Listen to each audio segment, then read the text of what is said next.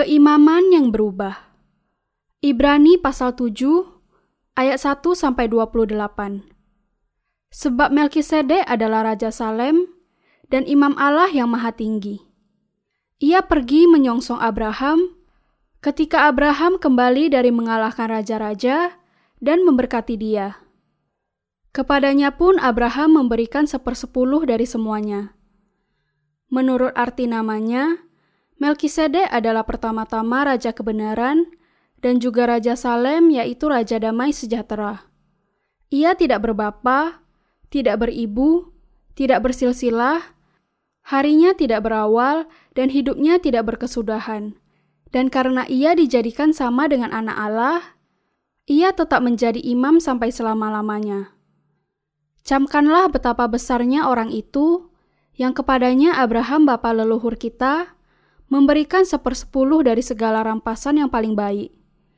Dan mereka dari anak-anak Lewi yang menerima jabatan imam mendapat tugas menurut hukum Taurat untuk memungut persepuluhan dari umat Israel, yaitu dari saudara-saudara mereka, sekalipun mereka ini juga adalah keturunan Abraham.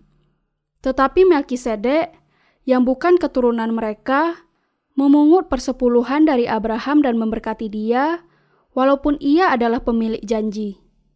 Memang tidak dapat disangkal bahwa yang lebih rendah diberkati oleh yang lebih tinggi.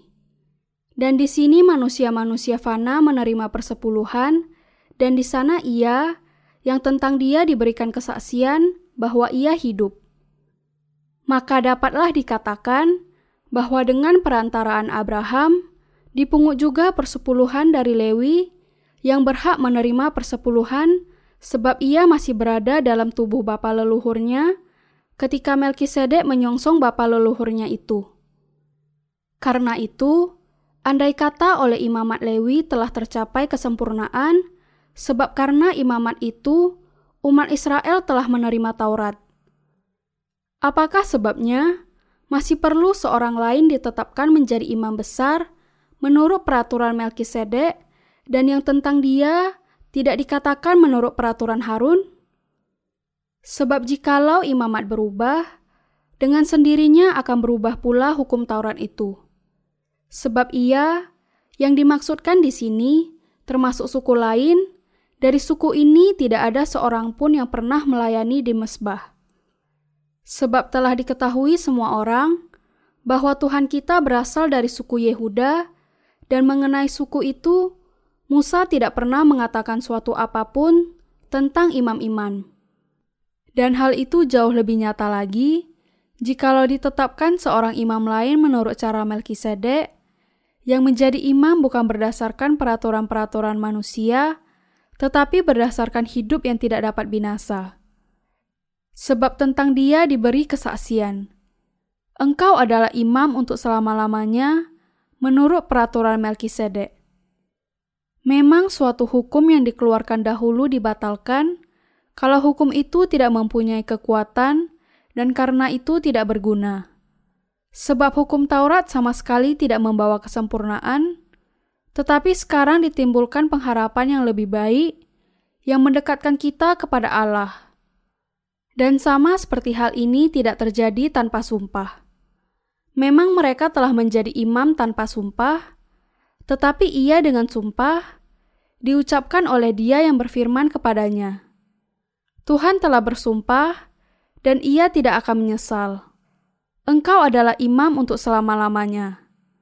Demikian pula, Yesus adalah jaminan dari suatu perjanjian yang lebih kuat.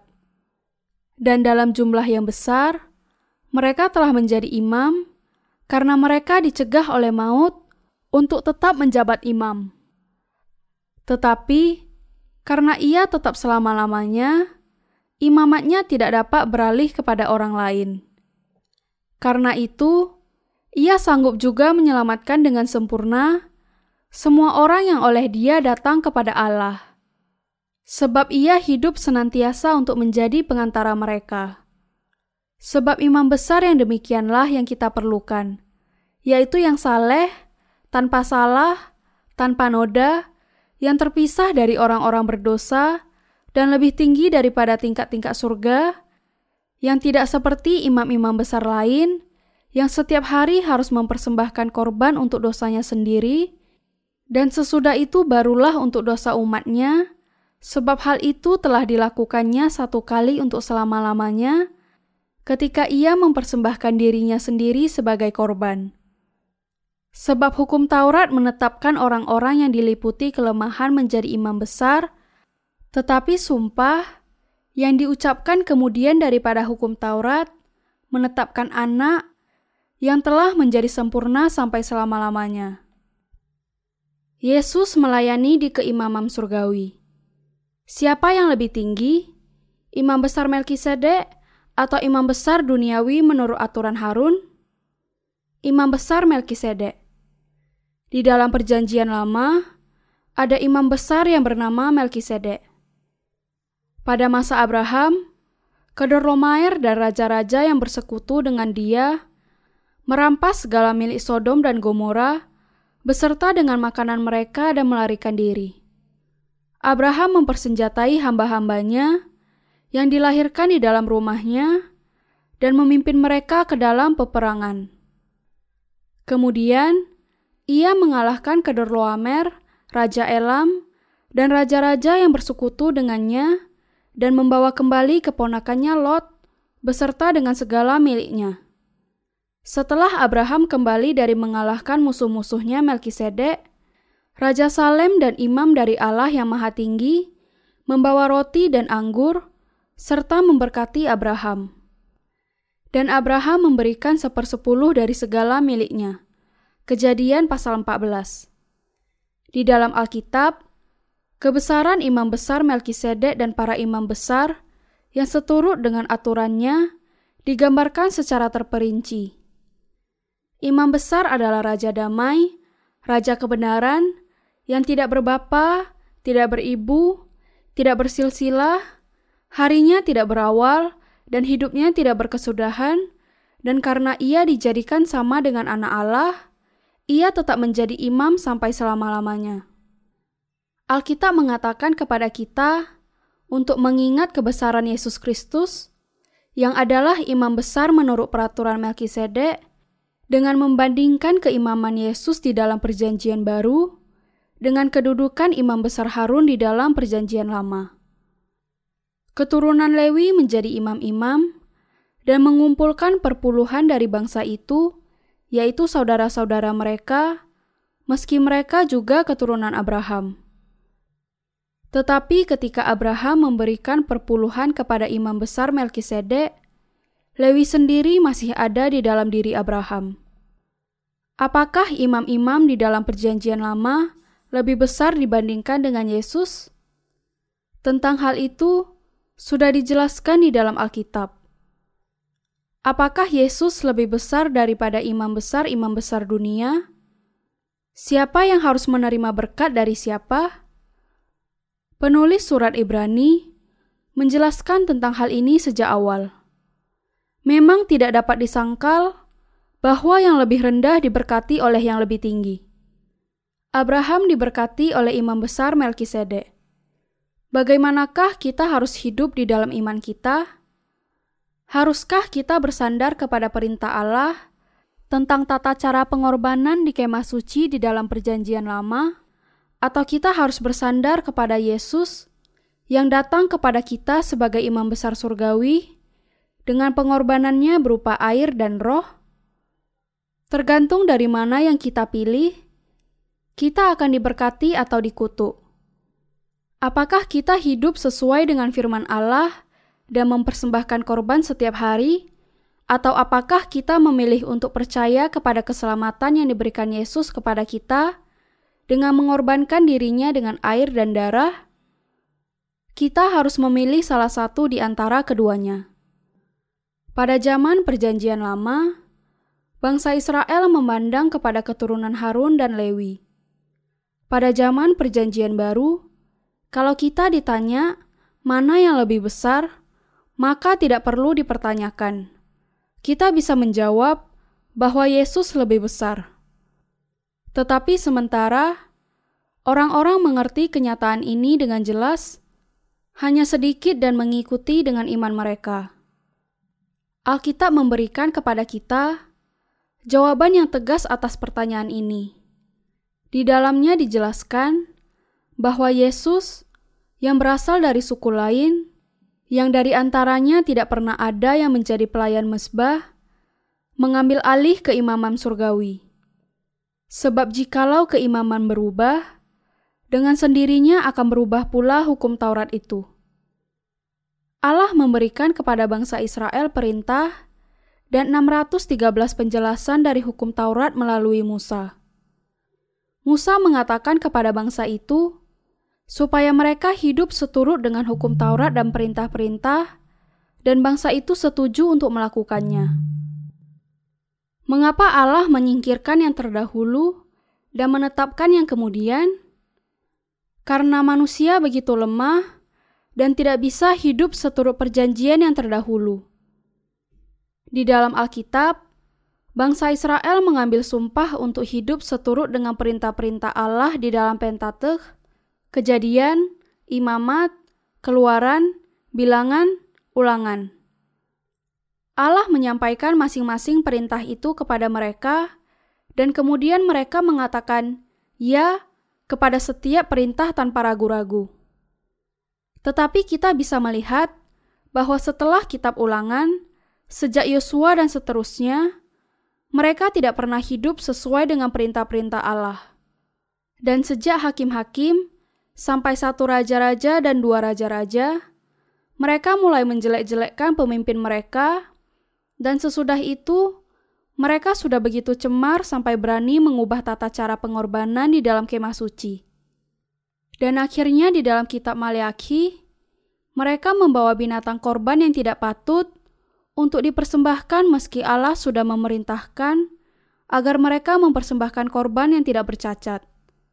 Mereka berkata kepada imam-imam, "Tolong abaikan saja, terima saja yang satu ini." Bukannya memberi korban persembahan yang sesuai dengan hukum Allah, mereka mengubahnya sekehendak hati. Bangsa Israel tidak pernah bisa mentaati hukum Allah secara sempurna di masa Perjanjian Lama. Mereka melupakan dan melalaikan begitu saja keselamatan yang dinyatakan di dalam tata cara yang ada. Karena itu, Allah berkehendak untuk mengubahkan tata cara pengorbanan. Di dalam Yeremia, Allah mengatakan, Aku akan mengadakan perjanjian baru dengan kaum Israel dan kaum Yehuda. Mari kita lihat Yeremia pasal 31 ayat 31 sampai 34. Sesungguhnya akan datang waktunya. Demikianlah firman Tuhan. Aku akan mengadakan perjanjian baru dengan kaum Israel dan kaum Yehuda, bukan seperti perjanjian yang telah kuadakan dengan nenek moyang mereka pada waktu aku memegang tangan mereka untuk membawa mereka keluar dari tanah Mesir. Perjanjianku itu telah mereka ingkari, meskipun aku menjadi tuan yang berkuasa atas mereka. Demikianlah firman Tuhan. Tetapi beginilah perjanjian yang kuadakan dengan kaum Israel sesudah waktu itu. Demikianlah firman Tuhan. Aku akan menaruh Tauratku dalam batin mereka dan menuliskannya dalam hati mereka. Maka aku akan menjadi Allah mereka dan mereka akan menjadi umatku. Dan tidak usah lagi orang mengajar sesamanya atau mengajar saudaranya dengan mengatakan, Kenallah Allah Tuhan, sebab mereka semua, besar kecil, akan mengenal Aku. Demikianlah firman Tuhan, sebab Aku akan mengampuni kesalahan mereka dan tidak lagi mengingat dosa mereka. Allah mengatakan bahwa Ia akan mengadakan perjanjian yang baru. Ia sudah mengadakan perjanjian dengan bangsa Israel, tetapi mereka tidak bisa hidup sesuai dengan firman Allah. Jadi, ia memutuskan untuk mengadakan perjanjian keselamatan yang baru dengan umatnya. Mereka sudah bersumpah di hadapan Allah. Kami akan menyembahmu dan hidup seturut dengan firmanmu dan perintah-perintahmu. Allah mengatakan kepada mereka, Jangan ada padamu ilah lain di hadapanku. Dan bangsa Israel sudah mengatakan, Tentu, kami tidak akan menyembah kepada ilah lain. Engkau adalah satu-satunya Allah bagi kami. Tidak akan pernah ada ilah lain bagi kami. Tetapi mereka gagal mentaati janji mereka sendiri. Inti dari hukum Taurat terkandung di dalam dasar titah. Jangan ada ilah lain di hadapanku. Jangan membuat bagimu patung atau apa pun yang serupa dengannya dan memuja atau melayaninya. Ingat dan kuduskanlah hari Sabat. Jangan menyebut nama Allah Tuhanmu dengan sembarangan. Hormatilah ayah dan ibumu. Jangan membunuh. Jangan berjinah. Jangan mencuri Jangan menjadi saksi dusta atas sesamamu. Jangan menginginkan rumah sesamamu. Keluaran pasal 20. Kemudian, ada pembagian atasnya menjadi 613 penjelasan terperinci yang harus kita taati sepanjang kehidupan mereka. Apa yang tidak boleh dilakukan kepada anak perempuan, apa yang tidak boleh dilakukan untuk anak laki-laki, apa yang harus dilakukan terhadap ibu tiri. Hukum Allah memerintahkan mereka melakukan kebaikan dan melarang mereka melakukan hal-hal yang jahat. Itulah dasar titah dan 613 penjelasan yang terperinci. Tetapi di antara semua manusia, tidak pernah ada satupun yang bisa mentaati keseluruhan peraturan yang ada di dalam hukumnya. Karena itu, Allah harus menentukan cara yang lain bagi mereka untuk diselamatkan dari dosa mereka. Kapankah keimaman berubah? Setelah Yesus datang ke dunia ini, keimaman berubah.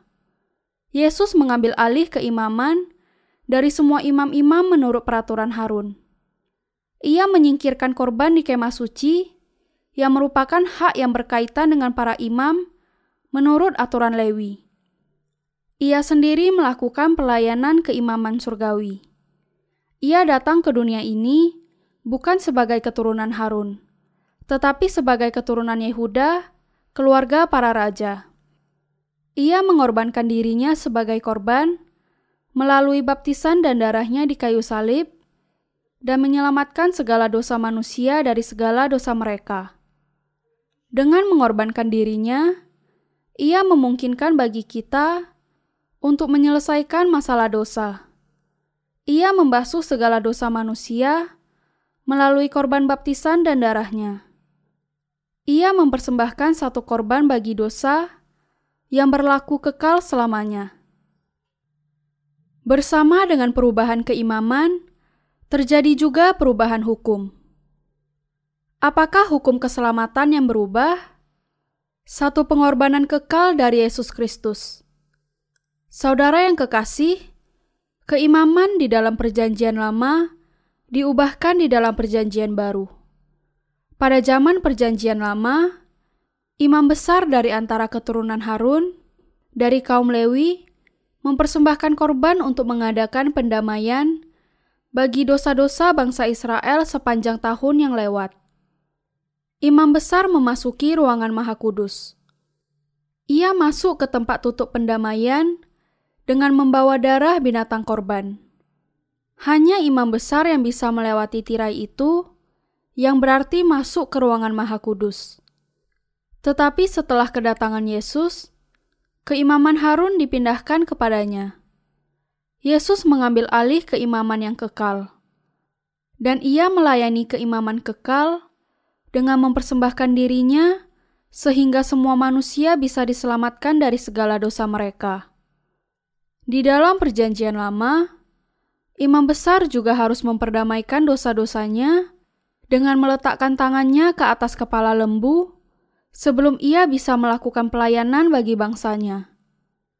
Ia menanggungkan segala dosanya dengan meletakkan tangannya dan mengatakan, "Allah, saya sudah melakukan dosa." Kemudian ia menyembelih binatang itu dan memercikkan darahnya di atas dan di depan tutup pendamaian sebanyak tujuh kali. Kalau imam besar Harun sendiri tidak sempurna, bisakah Anda membayangkan betapa terbatasnya bangsa itu? Seorang anak Lewi, imam besar Harun sendiri adalah orang berdosa, sehingga ia harus mempersembahkan seekor lembu bagi dosa-dosanya sendiri dan keluarganya. Tuhan mengatakan di dalam Yeremia pasal 31, Aku akan menghentikan perjanjian. Aku mengadakan perjanjian denganmu, tetapi kamu tidak mentaatinya. Karena itu, aku akan membatalkan perjanjian yang tidak bisa menguduskan kamu dan memberikan kepadamu sebuah perjanjian yang baru. Aku tidak lagi menyelamatkan kamu berdasarkan perintah-perintahku, tetapi akan memberikan kepadamu keselamatan melalui Injil air dan Roh. Allah memberikan kepada kita sebuah perjanjian yang baru. Ketika saatnya tiba, Yesus datang ke dunia ini dalam rupa manusia, mempersembahkan dirinya untuk menghapuskan segala dosa dunia, dan mencurahkan darahnya di kayu salib untuk menyelamatkan kita yang percaya kepadanya. Ia menanggung segala dosa manusia melalui baptisannya. Hukum Allah dibatalkan dan diganti. Bangsa Israel bisa diselamatkan kalau mereka hidup seturut dengan hukum Allah, tetapi mereka gagal melakukannya. Justru oleh hukum Taurat, orang mengenal dosa. Roma pasal 3 ayat 20. Allah menghendaki bangsa Israel menyadari bahwa mereka adalah orang-orang berdosa dan bahwa hukum Taurat tidak bisa menyelamatkan mereka. Ia menyelamatkan mereka melalui hukum keselamatan air dan roh, bukan melalui usaha mereka. Di dalam kasihnya yang tidak terbatas, Allah memberikan kepada kita sebuah perjanjian yang baru yang dengannya kita bisa diselamatkan dari dosa dunia melalui baptisan dan darah Yesus.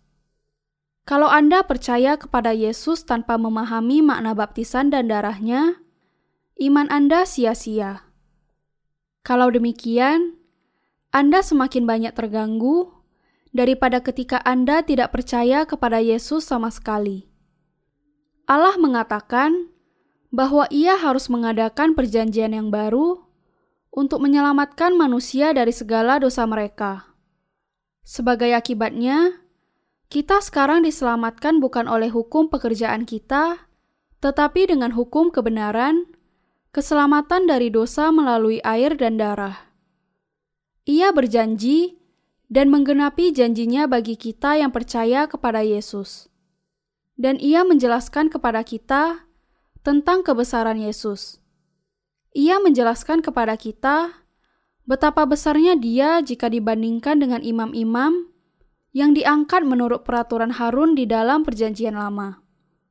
Kita menjadi istimewa dengan percaya kepada keselamatan melalui air dan darah Yesus. Bayangkan mengenai hal itu. Tidak peduli bagaimanapun pintar dan fasihnya berbicara pendeta Anda, bagaimana mungkin ia lebih hebat daripada Yesus?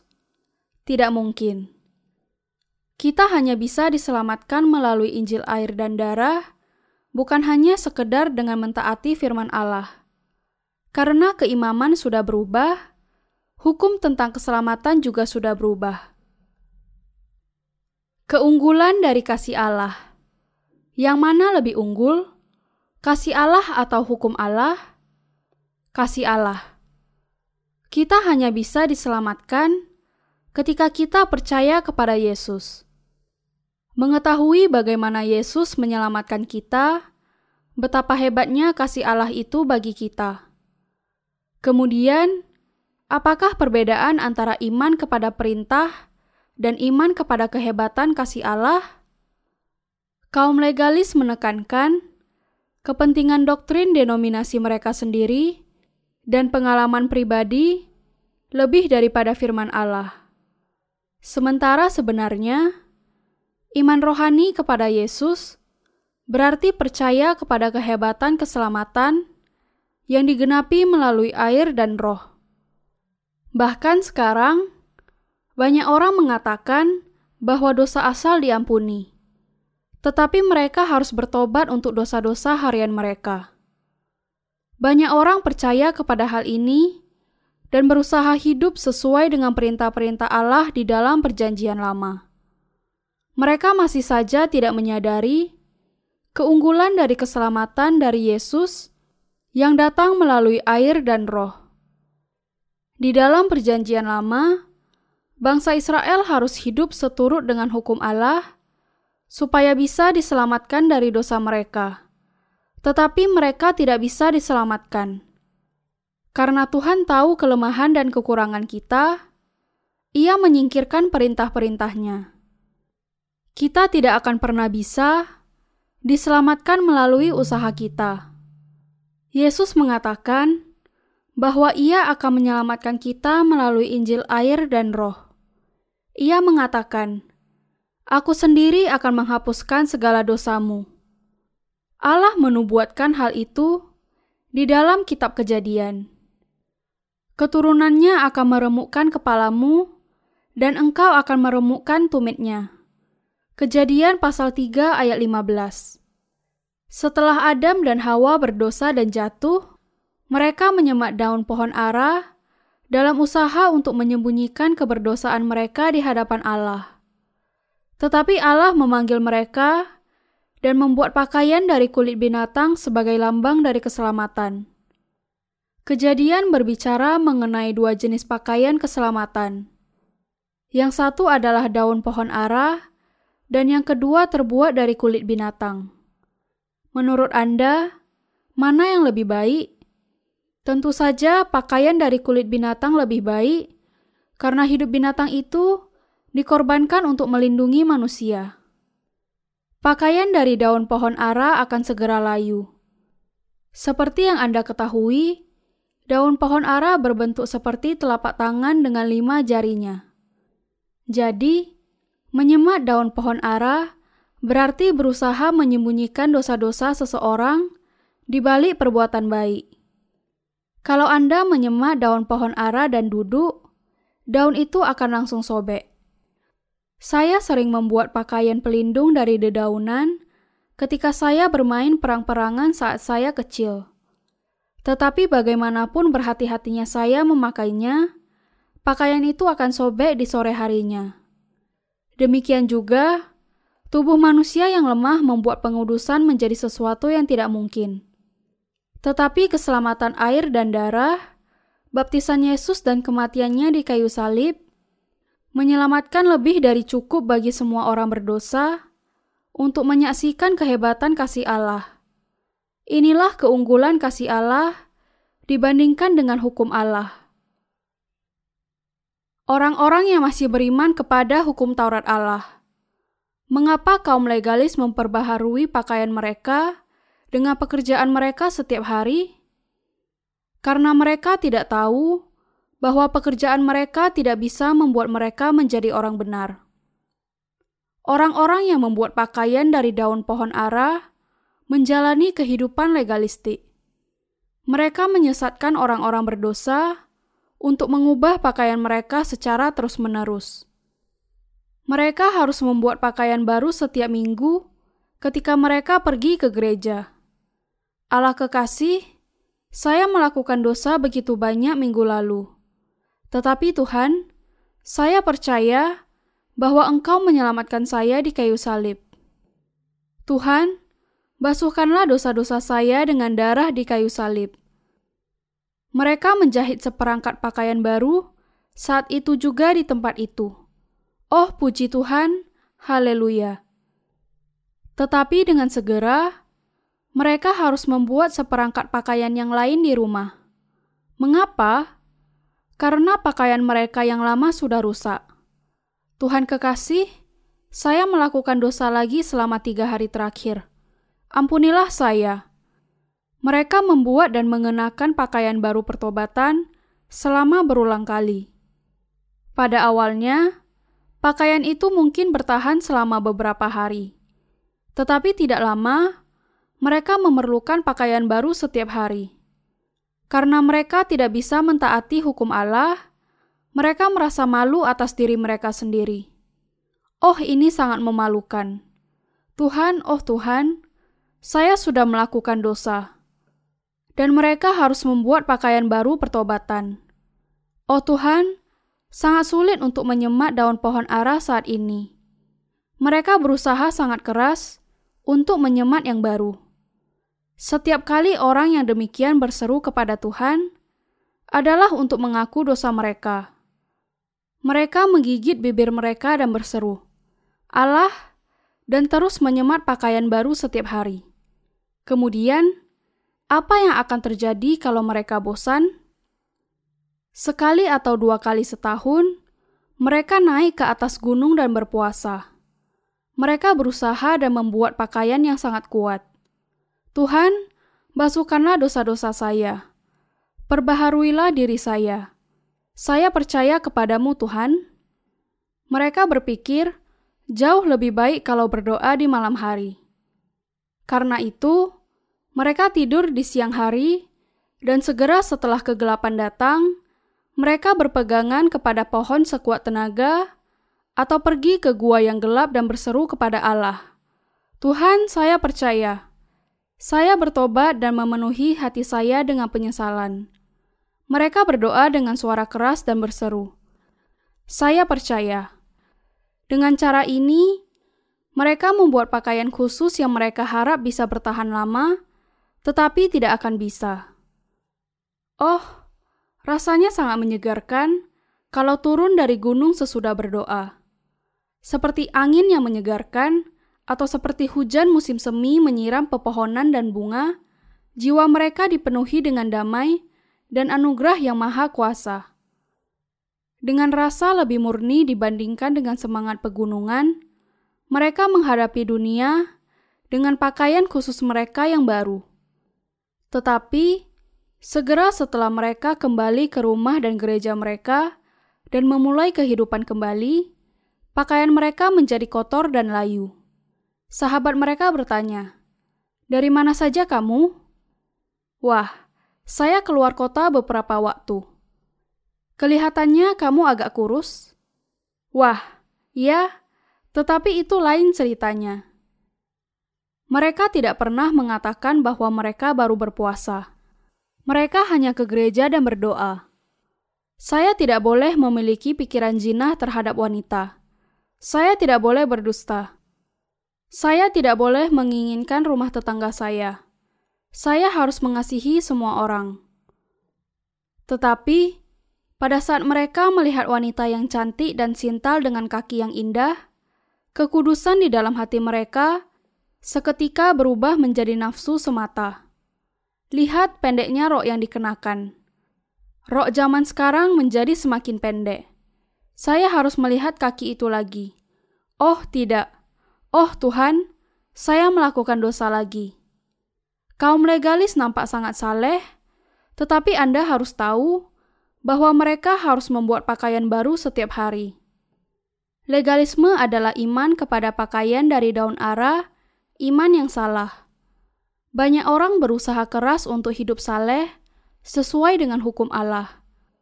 Mereka berteriak sekuat tenaga mereka di pegunungan supaya suara mereka menjadi semakin kedengaran saleh.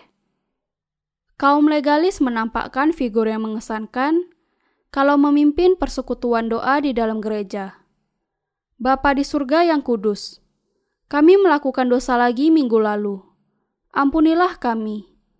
Mereka meneteskan air mata, dan seluruh jemaat mengikutinya. Mereka berpikir tentang orang itu.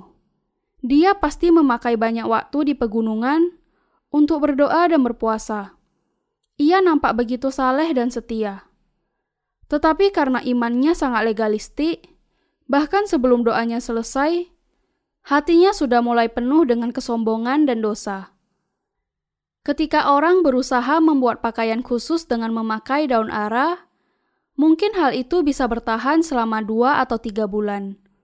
Tetapi cepat atau lambat, pakaian itu menjadi kumal, dan mereka harus berusaha membuat yang baru dan menjalaninya dengan kehidupan yang penuh kemunafikan. Inilah kehidupan kaum legalis yang berusaha untuk taat kepada hukum untuk diselamatkan. Mereka harus membuat pakaian daun ara yang baru tanpa ada henti-hentinya. Legalisme adalah iman daun ara. Kaum legalis mengatakan kepada Anda, Anda sudah melakukan dosa sepanjang minggu yang lalu, bukan? Kalau demikian, bertobatlah. Mereka berseru kepada Anda dengan suara nyaring. Bertobatlah, berdoalah. Seorang legalis tahu bagaimana membuat suaranya menjadi kedengaran suci. Tuhan, ampuni saya. Saya tidak mentaati hukum. Saya tidak mentaati perintah-perintahmu. Ampunilah saya Tuhan, ampuni saya sekali lagi. Mereka tidak akan pernah bisa mentaati hukum meski mereka berusaha keras melakukannya. Bahkan, mereka sebenarnya menentang hukum Allah dan Allah sendiri. Mereka sombong di hadapan Allah. Orang-orang seperti Chudolbe. Mengapa Allah menyingkirkan hukum Tauratnya?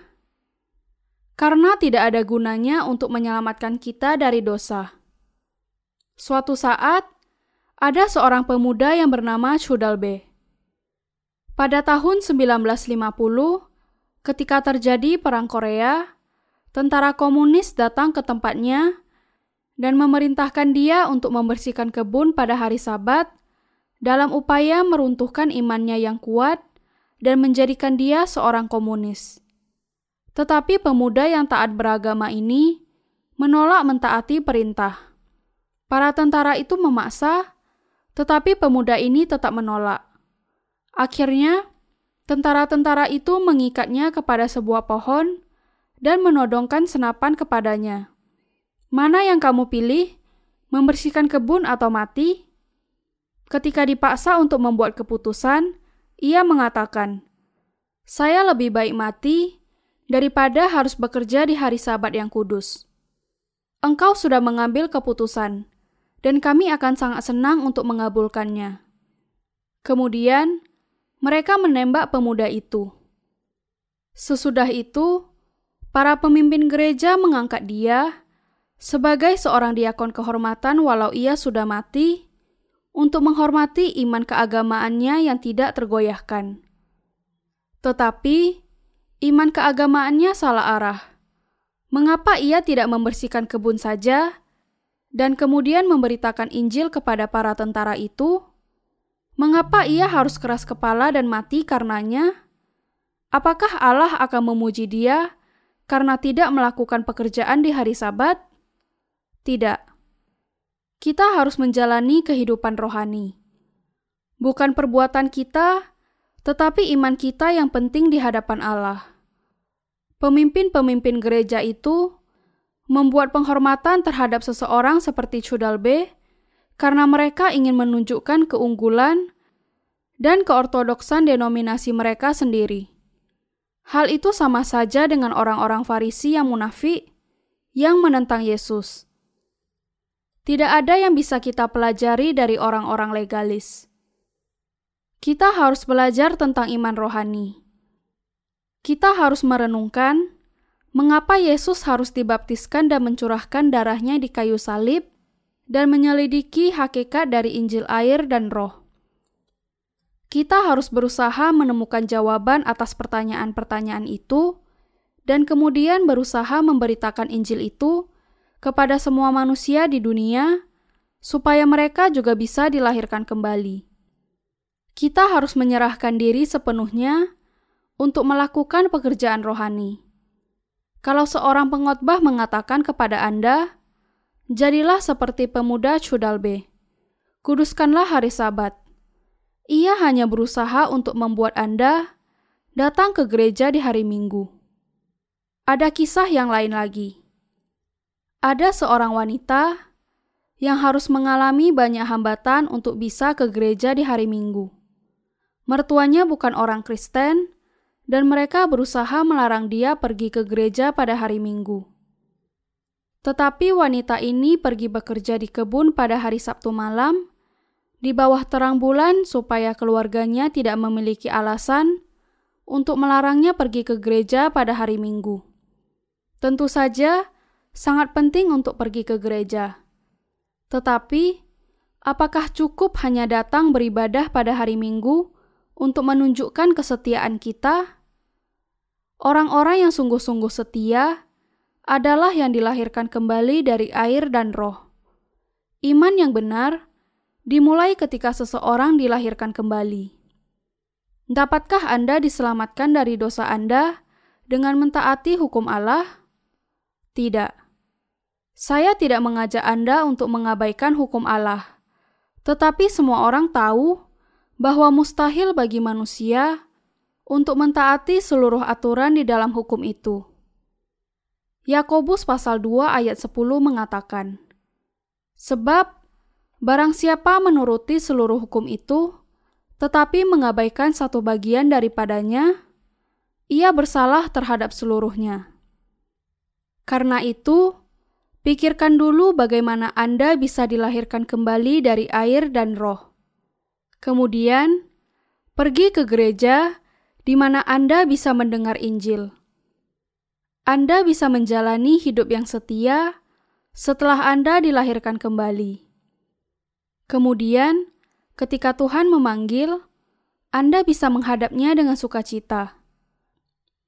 Jangan membuang waktu dengan datang ke gereja palsu.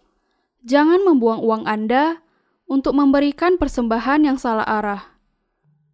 Imam-imam palsu tidak bisa menolong Anda lepas dari neraka. Pertama-tama, dengarkan Injil air dan roh, dan kemudian dilahirkan kembali. Pikirkan tentang alasan Yesus datang ke dunia ini. Kalau kita bisa masuk ke dalam kerajaan surga dengan hidup seturut hukum, ia tidak akan perlu datang ke dunia ini. Setelah ia datang, keimaman berubah. Legalisme hanya menjadi bagian masa lalu. Sebelum kita diselamatkan, kita berpikir bisa diselamatkan dengan hidup seturut hukum. Tetapi itu bukan lagi menjadi tanda iman yang sejati. Yesus menyelamatkan kita dari segala dosa dunia dengan kasihnya, dengan air baptisannya, dengan darah dan rohnya. Ia menggenapi keselamatan kita melalui baptisannya di Sungai Yordan, darahnya di kayu salib, dan kebangkitannya. Allah menyingkirkan peraturan yang lama karena sangat lemah dan tidak berguna. Sebab hukum Taurat sama sekali tidak membawa kesempurnaan, tetapi sekarang ditimbulkan pengharapan yang lebih baik yang mendekatkan kita kepada Allah, dan sama seperti hal ini, tidak terjadi tanpa sumpah. Memang mereka telah menjadi imam tanpa sumpah. Ibrani pasal 7 ayat 19 sampai 20. Yesus membuat sumpah dan menyelamatkan kita dari segala dosa kita dengan baptisan dan darahnya.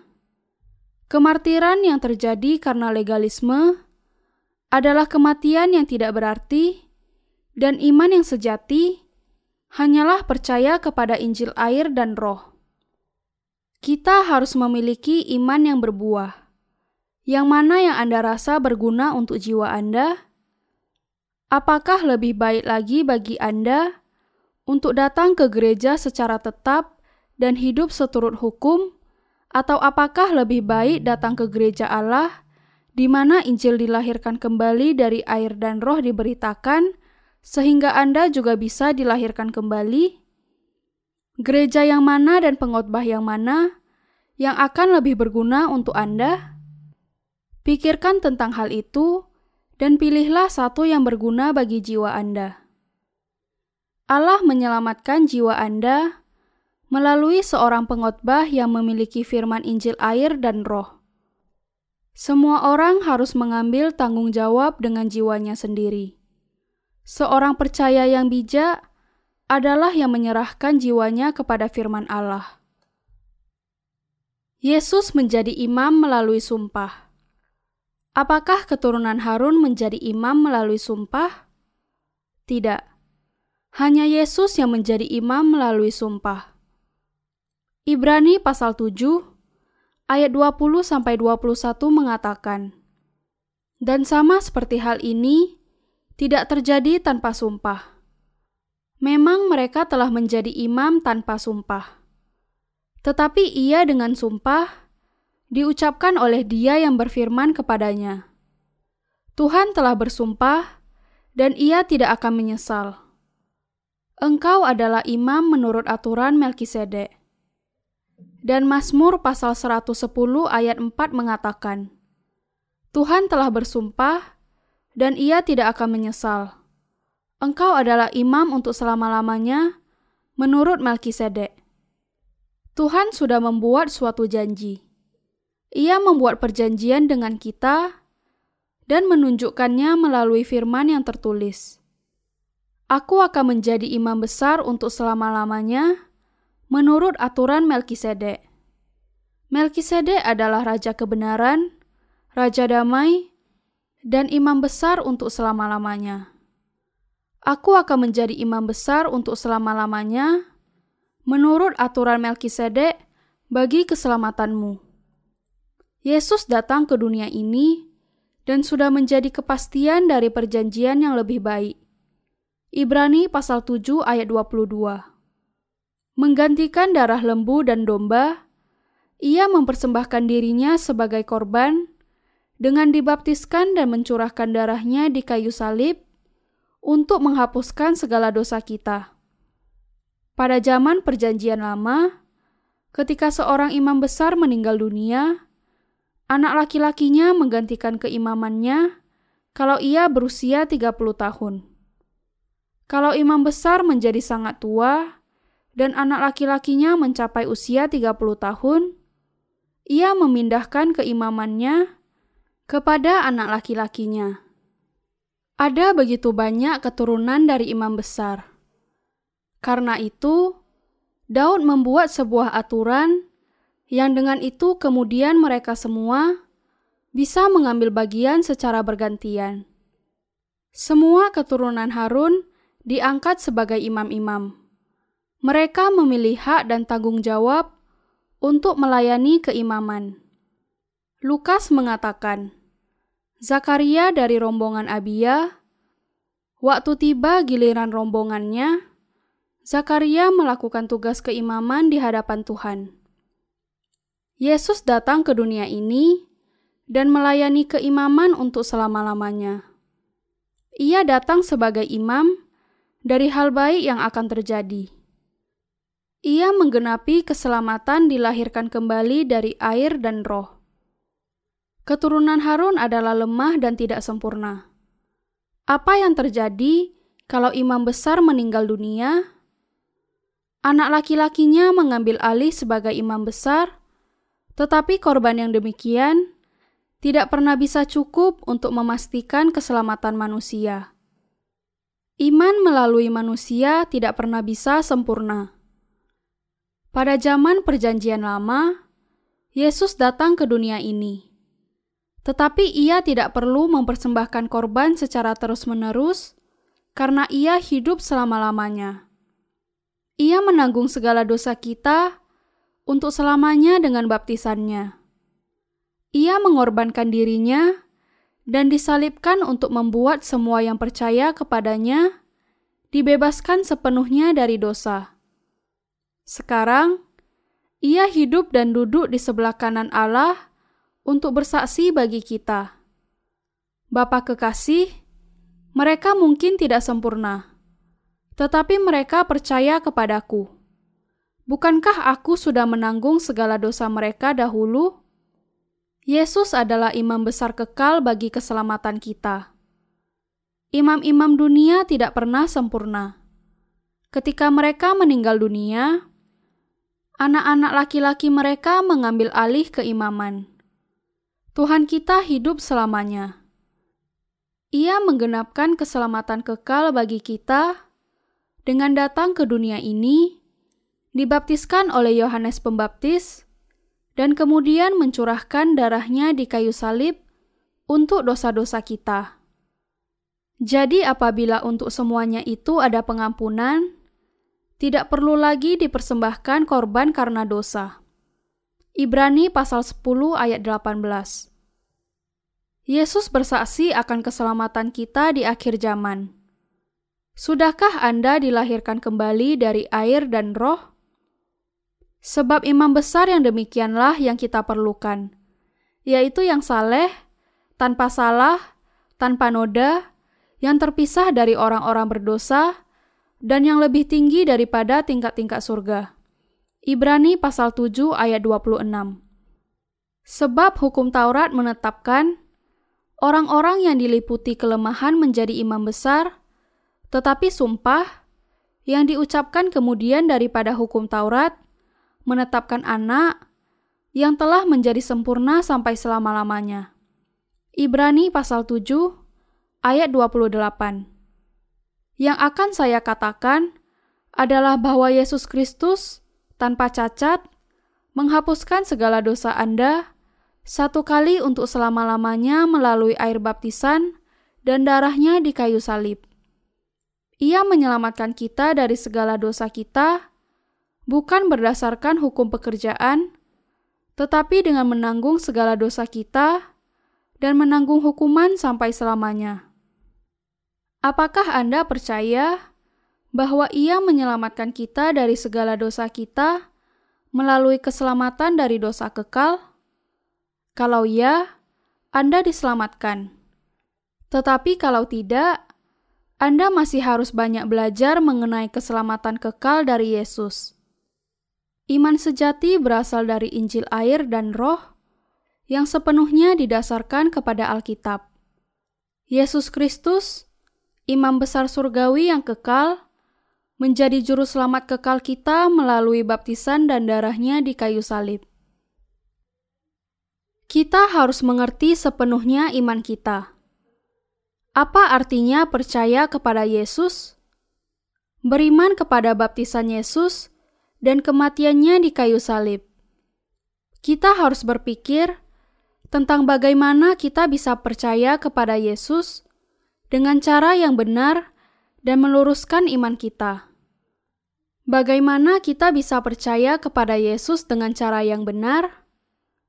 Kita bisa melakukannya dengan percaya kepada Injil baptisan Yesus dan darahnya di kayu salib. Iman yang sempurna adalah percaya kepada karya Yesus, baptisan dan darahnya, tanpa menambahkan pandangan kita yang salah. Apakah Anda percaya? Tetapi bagaimana dengan keadaan rohani Anda? Apakah Anda menyandarkan diri kepada pekerjaan dan usaha Anda sendiri? Belum lama berselang sejak saya mulai percaya kepada Yesus, tetapi saya sudah menderita selama hampir 10 tahun karena legalisme. Tetapi kemudian, saya menjadi bosan dengan kehidupan yang demikian. Saya bahkan tidak suka mengingat akan hal itu. Istri saya ada bersama saya saat ini. Ia tahu betapa buruknya hal itu bagi kami. Di hari-hari Minggu, saya akan berkata, "Sayang, mari kita mencari kesenangan." Tetapi ini hari Minggu. Ia bahkan tidak mencuci pakaian di hari Minggu.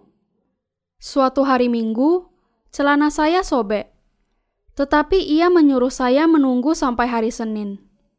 Bahkan sebenarnya, saya lebih giat lagi mentaati aturan hari Sabat dengan benar. Tetapi hal itu sangat sulit. Kami tidak pernah bisa santai di hari Minggu karena sangat sulit untuk mentaati aturan hari Sabat dengan benar. Saya masih ingat masa-masa ini. Saudara yang kekasih, untuk sungguh-sungguh percaya kepada Yesus, kita harus percaya kepada pengudusan dosa-dosa kita melalui baptisan dan darahnya di kayu salib. Iman yang sejati berarti percaya kepada keilahian dan kemanusiaan Yesus dan segala sesuatu yang ia lakukan di dunia ini. Orang-orang yang sungguh-sungguh setia percaya kepada segala firman-Nya. Apakah arti dari kata percaya kepada Yesus? Hal itu berarti percaya kepada baptisan Yesus dan darahnya. Betapa sederhananya hal itu. Yang harus kita lakukan hanyalah melihat ke dalam Alkitab dan percaya kepada Injil. Kita semua harus percaya dengan cara yang benar. Terima kasih, Tuhan. Saya melihat sekarang bahwa hal itu bukan terjadi karena usaha saya. Karena melalui hukum Taurat, ada pengenalan akan dosa. Roma pasal 3 ayat 20. Saya memahaminya sekarang. Saya berpikir bahwa karena hukum Taurat itu baik, karena semuanya merupakan perintah Allah, saya harus berusaha untuk menjalaninya dalam hidup saya. Saya berusaha keras sampai saat ini, tetapi saya melihat sekarang bahwa saya salah berpikir kalau saya bisa hidup seturut dengan hukum Taurat itu. Saya melihat sekarang bahwa saya tidak akan pernah bisa mentaati perintah Allah. Karena itu, melalui hukum Allah, saya sekarang menyadari bahwa hati saya dipenuhi dengan pikiran jahat dan pelanggaran. Saya memahami sekarang bahwa hukum itu diberikan untuk menumbuhkan di dalam kehidupan kami pemahaman akan dosa. Oh, terima kasih Tuhan. Saya salah memahami kehendakmu dan berusaha keras untuk mentaati hukum itu. Saya sungguh-sungguh sombong sampai saya berani berusaha. Saya bertobat. Saya tahu bahwa Yesus dibaptiskan dan mencurahkan darah untuk keselamatan saya. Saya percaya. Anda harus percaya dengan jujur dan tulus. Anda harus hanya percaya kepada firman yang tertulis di dalam Alkitab. Itulah satu-satunya cara Anda bisa sungguh-sungguh dilahirkan kembali. Apakah artinya percaya kepada Yesus? Apakah itu berarti sesuatu yang harus kita selesaikan dalam jangka waktu tertentu? Apakah iman kita iman agama yang memaksa Anda mengerjakannya?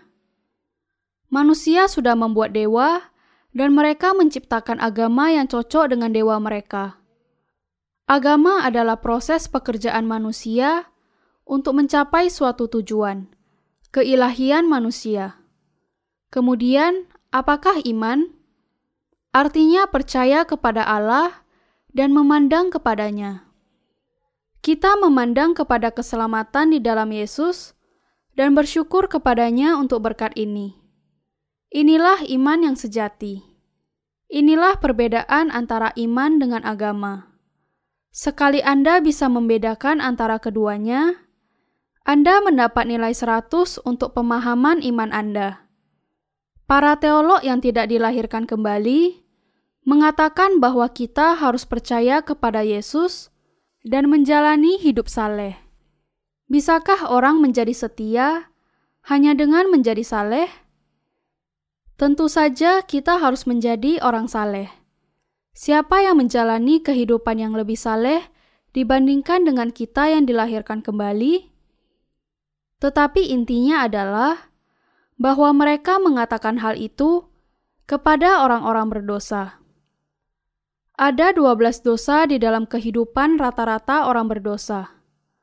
Bagaimana ia bisa hidup saleh? Tentu saja, pikirannya mungkin tahu apa yang harus dilakukannya, tetapi hatinya tidak bisa melaksanakannya. Ketika seorang berdosa melangkah keluar dari gereja, hidup saleh hanya menjadi sekedar teori, dan instingnya menuntun dia kepada dosa. Karena itu, kita harus memutuskan hati kita, apakah kita akan hidup dengan hukum Taurat atau diselamatkan dengan percaya kepada baptisan Yesus dan darahnya di kayu salib, dengan beriman kepada imam besar kekal dari kerajaan surga. Ingatlah bahwa Yesus adalah imam besar sejati untuk orang-orang yang percaya. Mari kita diselamatkan dengan mengenal dan percaya kepada keselamatan sejati melalui baptisan Yesus dan darahnya di kayu salib. Orang yang dilahirkan kembali tidak takut akhir zaman. Mengapa orang yang dilahirkan kembali tidak takut akhir zaman? Karena iman mereka kepada Injil air dan Roh membuat mereka bebas dari dosa. Ketika Anda dilahirkan kembali, Anda tidak perlu takut bahwa dunia ini akan mendekati akhir zaman. Banyak orang Kristen di Korea mengatakan bahwa akhir zaman akan terjadi pada tanggal 28 Oktober 1992. Betapa bergejolak dan mengerikan hari itu kata mereka. Tetapi semua perkataan mereka ternyata salah. Orang yang dilahirkan kembali hidup dengan saleh mengabarkan Injil sampai saat terakhir. Kapan pun akhir zaman tiba, yang harus kita lakukan adalah mengabarkan Injil air dan roh. Ketika mempelai laki-laki datang, mempelai wanita yang sungguh-sungguh dilahirkan kembali dari air dan roh bisa menemuinya dengan sukacita besar dan berkata, "Oh, engkau sudah datang. Daging saya sangat tidak sempurna, tetapi engkau mengasihi saya dan menyelamatkan saya dari segala dosa saya. Karena itu, saya tidak memiliki dosa. Terima kasih, Tuhan. Engkau adalah juru selamat saya. Yesus adalah mempelai laki-laki bagi semua orang benar. Pesta pernikahan terjadi karena mempelai laki-laki mengasihi mempelai wanita, bukan sebaliknya. Saya mengerti bahwa kadangkala terjadi hal yang demikian di dunia, tetapi di surga, mempelai laki-laki yang menentukan apakah pernikahan akan terjadi atau tidak. Mempelai laki-laki yang memilih untuk menikah berdasarkan kasihnya dan menawarkan keselamatan, bagaimanapun keadaan mempelai wanitanya. Inilah terjadinya pernikahan surgawi. Mempelai laki-laki tahu segala sesuatu tentang mempelai wanita. Karena mempelai wanitanya sungguh-sungguh orang berdosa, ia mengasihani mereka dan menyelamatkan mereka dari segala dosa dengan dibaptiskan dan mencurahkan darahnya di kayu salib. Tuhan Yesus kita tidak datang ke dunia ini sebagai keturunan Harun. Ia tidak datang ke dunia ini untuk mempersembahkan korban duniawi. Ada banyak sekali orang Lewi, keturunan Harun, untuk melakukan hal itu. Sebenarnya, tokoh utama di dalam korban dari Perjanjian Lama tidak lain dari Yesus sendiri. Karena itu, ketika yang sesungguhnya sudah datang, apa yang kemudian terjadi kepada bayangannya? Bayangan itu akan disingkirkan. Ketika Yesus datang ke dunia ini, ia mempersembahkan korban seperti yang dilakukan Harun. Ia mempersembahkan dirinya bagi manusia dengan dibaptiskan dan mencurahkan darah bagi keselamatan orang berdosa ia menggenapi keselamatan di kayu salib. Untuk orang-orang yang percaya kepada baptisan Yesus dan darahnya di kayu salib, keselamatan bukan sesuatu yang tidak pasti. Yesus tidak memperdamaikan dosa-dosa kita dengan cara yang tidak jelas. Ia melakukannya dengan jelas. Akulah jalan, kebenaran, dan hidup. Yohanes pasal 14 ayat 6. Yesus datang ke dunia ini dan menyelamatkan kita dengan baptisan, kematian, dan kebangkitannya. Perjanjian Lama adalah gambaran tentang Yesus. Apa alasan mengadakan perjanjian yang lain? Karena perjanjian yang pertama tidak sempurna dan tidak berguna. Perjanjian Lama adalah bayangan dari Perjanjian Baru. Meskipun Yesus tidak pernah mempersembahkan korban, seperti imam besar di dalam Perjanjian Lama, ia melayani keimaman yang lebih baik, keimaman surgawi yang kekal. Karena manusia di dunia ini sangat berdosa sejak kelahirannya, mereka menjadi orang-orang berdosa, dan mereka tidak pernah bisa menjadi orang-orang benar di hadapan hukum Allah. Karena itu, Allah menetapkan perjanjian yang lain. Bapa kita di surga mengutus anaknya yang tunggal ke dunia ini dan meminta kita untuk memiliki iman kepada baptisan, darah, dan kebangkitannya. Inilah perjanjian Allah yang kedua. Perjanjian yang kedua menuntut kita untuk percaya kepada Injil air dan roh. Tuhan tidak lagi menuntut kita untuk melakukan pekerjaan baik. Ia tidak menjelaskan bagaimana kita harus hidup supaya bisa diselamatkan. Ia hanya meminta kita untuk percaya kepada keselamatan melalui anaknya. Ia meminta kita untuk percaya baptisan dan darahnya di kayu salib lebih dari semuanya. Dan kita harus mengiyakannya. Di dalam Alkitab, suku Yehuda mendapat hak kerajaan. Semua raja Israel dilahirkan dari suku Yehuda sampai Raja Salomo. Bahkan setelah pembagian kerajaan, suku Yehuda masih memegang tahta kerajaan selatan sampai runtuhnya pada tahun 586 sebelum Masehi. Jadi, suku Yehuda mewakili bangsa Israel. Suku Lewi adalah kaum imam. Masing-masing suku di Israel memiliki peranan sendiri. Allah menjanjikan kepada suku Yehuda bahwa Yesus akan muncul dari antara mereka. Mengapa ia membuat perjanjian dengan suku Yehuda? Membuat perjanjian ini adalah sama dengan membuat perjanjian dengan semua manusia di dunia, karena bangsa Israel mewakili semua manusia di dunia. Yesus menggenapi perjanjian yang baru, yaitu keselamatan manusia melalui baptisannya, kematiannya di kayu salib, dan kebangkitannya. Dosa-dosa manusia tidak bisa dihapuskan dengan pertobatan. Apakah dosa-dosa manusia dihapuskan dengan pertobatan? Tidak. Di dalam Yeremia pasal 17 ayat 1, ada tertulis bahwa dosa manusia tercatat di dua tempat. Dosa Yehuda telah tertulis dengan pena besi, yang matanya dari intan, terukir pada loh hati mereka dan pada tanduk-tanduk mesbah mereka. Dosa-dosa kita tertulis di dalam hati kita. Demikianlah cara kita mengetahui bahwa kita adalah orang berdosa. Sebelum seseorang datang kepada Yesus, ia tidak menyadari bahwa dirinya adalah orang berdosa. Mengapa? karena ia tidak memiliki hukum Allah di dalam hatinya.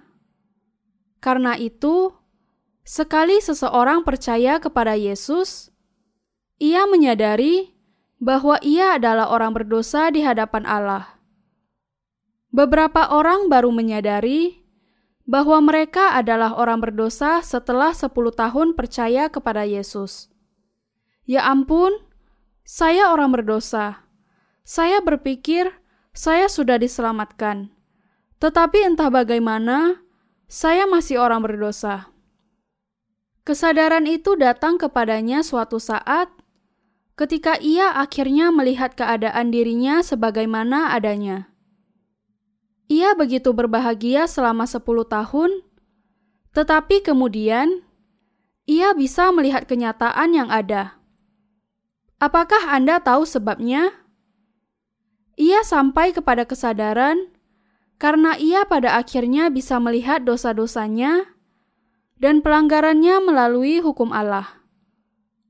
Ia sudah percaya kepada Yesus selama 10 tahun tanpa dilahirkan kembali. Karena ia tidak bisa menghapus dosa-dosa di dalam hatinya, ia tetap menjadi orang berdosa di hadapan Allah. Beberapa orang membutuhkan lima tahun dan yang lainnya 10 tahun untuk bisa mencapai kesadaran ini. Beberapa orang sampai kepada kesadaran ini setelah 30 tahun, beberapa orang setelah 50 tahun, dan beberapa orang tidak pernah menyadari sampai akhir hayatnya. Allah kekasih, saya biasa menjadi orang baik sebelum saya memiliki perintah itu di dalam pikiran saya. Saya yakin bahwa saya menjalani hukum itu dengan baik. Tetapi sekarang saya menyadari bahwa saya melakukan dosa setiap hari. Sama seperti yang dikatakan Rasul Paulus, "Dahulu aku hidup tanpa hukum Taurat, akan tetapi sesudah datang perintah itu, dosa mulai hidup." Roma pasal 7 ayat 9. Saya orang berdosa meskipun saya percaya kepada Kristus. Dosa-dosa Anda yang menghalangi Anda menjalani hidup sesuai dengan firman Allah. Dosa-dosa Anda ditulis di dalam hati Anda. Karena Allah mencatatnya di sana, ketika Anda menundukkan kepala untuk berdoa, segala dosa Anda muncul. Kejutan, akulah dosa-dosa yang kau lakukan. Tetapi aku sudah memperdamaikannya dua tahun yang lalu. Mengapa engkau menunjukkan diri lagi secara tiba-tiba? Mengapa engkau tidak pergi saja? Oh, jangan menjadi bingung. Aku tertulis di dalam hatimu. Tidak peduli bagaimana pemikiranmu, engkau masih orang berdosa. Tidak, tidak. Jadi, ia bertobat lagi untuk dosa-dosa yang sudah dilakukannya dua tahun yang lalu. Ampunilah saya, Tuhan. Saya masih tersiksa karena dosa-dosa yang saya lakukan sebelumnya. Saya bertobat atas dosa-dosa saya, tetapi semuanya masih bersama saya. Ampunilah saya karena saya sudah melakukan dosa. Tetapi, apakah dosa-dosa itu hilang hanya karena pertobatan? Karena dosa-dosa manusia tertulis di dalam hati mereka, Semuanya tidak pernah bisa dihapuskan tanpa Injil air dan Roh. Hanya melalui Injil air dan Roh saja, pendamaian yang sejati bisa diperoleh.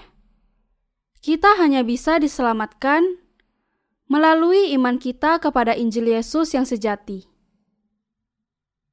Aku akan menjadi juru selamatmu. Bagaimana kita menanggapi terhadap perjanjian yang baru? Kita harus mempercayainya dengan sepenuh hati kita dan memberitakannya ke seluruh dunia. Tuhan kita di surga membuat perjanjian yang baru dengan kita. Aku akan menjadi juru selamatmu. Aku akan membuat engkau bebas sepenuhnya dari segala dosa dunia melalui air dan darah. Aku pasti akan memberkati orang-orang yang percaya kepadaku. Apakah Anda percaya kepada perjanjian yang baru dengan Allah ini?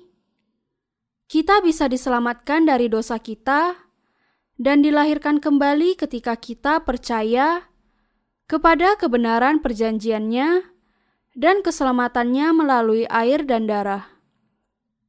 Kita tidak bisa percaya kepada seorang dokter kalau ia tidak membuat diagnosa yang benar. Seorang dokter harus terlebih dahulu membuat diagnosa atas pasiennya, dan kemudian menentukan obat yang tepat. Ada berbagai macam obat, tetapi ia harus tahu mana yang tepat untuk digunakan. Sekali seorang dokter mendiagnosa pasiennya dengan benar, banyak obat yang tepat yang bisa dipakai untuk menyembuhkannya. Tetapi dengan diagnosa yang salah, semua obat yang baik hanya memperburuk keadaan pasiennya. Demikian juga, ketika Anda percaya kepada Yesus, Anda harus mendiagnosa keadaan rohani Anda berdasarkan firman Allah. Ketika Anda menguji roh Anda dengan firman Allah, Anda bisa melihat dengan jelas bagaimana keadaan rohani Anda. Dokter dari rohani Anda bisa menyembuhkan segala pasiennya tanpa kecuali. Mereka semua bisa dilahirkan kembali. Kalau Anda berkata, "Saya tidak tahu apakah saya sudah ditebus," itu berarti Anda belum diselamatkan. Kalau seorang pendeta adalah murid Yesus yang sesungguhnya, ia harus bisa menyelesaikan masalah dosa bagi pengikutnya. Kemudian, ia bisa meneruskan dengan memecahkan masalah iman mereka dan menuntun mereka dalam kehidupan rohani. Ia harus bisa melihat keadaan rohani yang sesungguhnya dari para pengikutnya. Yesus datang ke dunia ini untuk menanggung segala dosa dunia. Ia datang dan dibaptiskan serta mati di kayu salib. Ketika ia memperdamaikan segala dosa, apakah ia meninggalkan dosa-dosa Anda? Firman air dan roh melenyapkan segala dosa orang-orang berdosa. Injil itu seperti dinamit. Ia menghancurkan segala sesuatu, mulai dari gedung sampai gunung. Pekerjaan Yesus itu pasti. Ia melenyapkan dosa-dosa mereka yang percaya kepadanya dengan Injil air dan Roh. Mari kita melihat Injil air dan Roh sebagaimana yang dinyatakan di dalam Alkitab. Injil penumpangan tangan di dalam Perjanjian Lama. Apakah tujuan penumpangan tangan di dalam Perjanjian Lama? Tujuannya menanggungkan dosa-dosa kepada binatang korban. Mari kita melihat kebenaran Injil penebusan di dalam Imamat pasal 1 ayat 3 sampai 4. Jikalau persembahannya merupakan korban bakaran dari lembu, haruslah ia mempersembahkan seekor jantan yang tidak bercela. Ia harus membawanya ke pintu kemah pertemuan, supaya Tuhan berkenan akan dia. Lalu ia harus meletakkan tangannya ke atas kepala korban bakaran itu, sehingga baginya persembahan itu diperkenan untuk mengadakan pendamaian baginya. Bagian di atas menjelaskan bahwa korban bakaran harus dibawa ke pintu kemah pertemuan di hadapan Tuhan dengan penumpangan tangan di atas kepala binatang korban, dan korban itu haruslah binatang yang masih hidup dan tidak bercela. Di zaman Perjanjian Lama, seorang berdosa harus meletakkan tangannya ke atas korban itu untuk memperdamaikan dosa-dosa hariannya. Ia menyembelih korban penghapus dosa di hadapan Tuhan, dan imam mengambil sebagian darahnya dan meletakkannya ke atas mesbah korban bakaran. Ia kemudian menyiramkan sisa darahnya ke sekeliling mesbah, dan dosa-dosa orang berdosa itu diampuni untuk dosa satu hari. Untuk dosa tahunan, tertulis di dalam Imamat pasal 16 ayat 6 sampai 10. Kemudian Harun harus mempersembahkan lembu jantan yang akan menjadi korban penghapus dosa bagi dirinya sendiri dan dengan demikian mengadakan pendamaian baginya dan bagi keluarganya. Ia harus mengambil kedua ekor kambing jantan itu dan menempatkannya di hadapan Tuhan di depan pintu kemah pertemuan, dan harus membuang undi atas kedua kambing jantan itu, sebuah undi bagi Tuhan dan sebuah bagi Azazel. Lalu Harun harus mempersembahkan kambing jantan yang kena undi bagi Tuhan itu dan mengolahnya sebagai korban penghapus dosa. Tetapi kambing jantan yang kena undi bagi Azazel haruslah ditempatkan hidup-hidup di hadapan Tuhan untuk mengadakan pendamaian, lalu dilepaskan bagi Azazel ke padang gurun. Sebagaimana dijelaskan di dalam Alkitab, Azazel berarti meletakkan keluar. Jadi, dosa setahun diampuni pada hari yang ke-10 bulan ke-7. Dalam Imamat pasal 16 ayat 29 sampai 30 ada tertulis. Inilah yang harus menjadi ketetapan untuk selama-lamanya bagi kamu, yakni pada bulan yang ketujuh, pada tanggal 10 bulan itu, kamu harus merendahkan diri dengan berpuasa, dan janganlah kamu melakukan sesuatu pekerjaan, baik orang Israel asli maupun orang asing yang tinggal di tengah-tengahmu. Karena pada hari itu harus diadakan pendamaian bagimu untuk mentahirkan kamu. Kamu akan ditahirkan dari segala dosamu di hadapan Tuhan. Ini adalah hari di mana bangsa Israel diperdamaikan atas dosa setahun mereka. Bagaimana hal ini bisa terjadi? Pertama, imam besar Harun harus ada di dalam upacara korban itu. Siapa yang mewakili bangsa Israel? Harun. Allah menetapkan Harun dan keturunannya sebagai imam besar. Harun mempersembahkan lembu untuk memperdamaikan dirinya dan keluarganya. Ia menyembelih lembu itu dan memercikkan sebagian darahnya di hadapan tutup pendamaian sebanyak tujuh kali. Ia harus memperdamaikan diri sendiri dan keluarganya terlebih dahulu.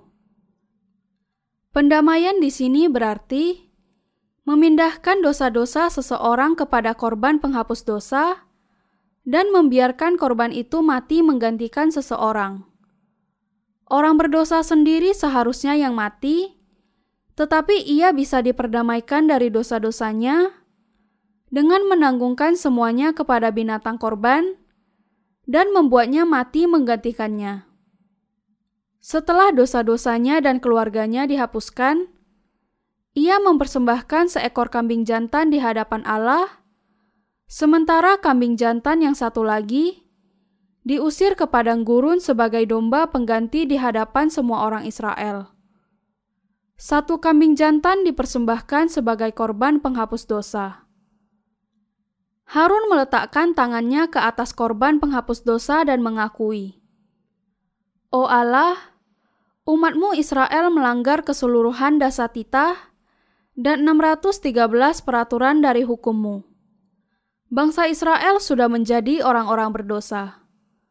Saya sekarang meletakkan tangan ke atas kambing jantan ini untuk memindahkan seluruh dosa tahunan kami.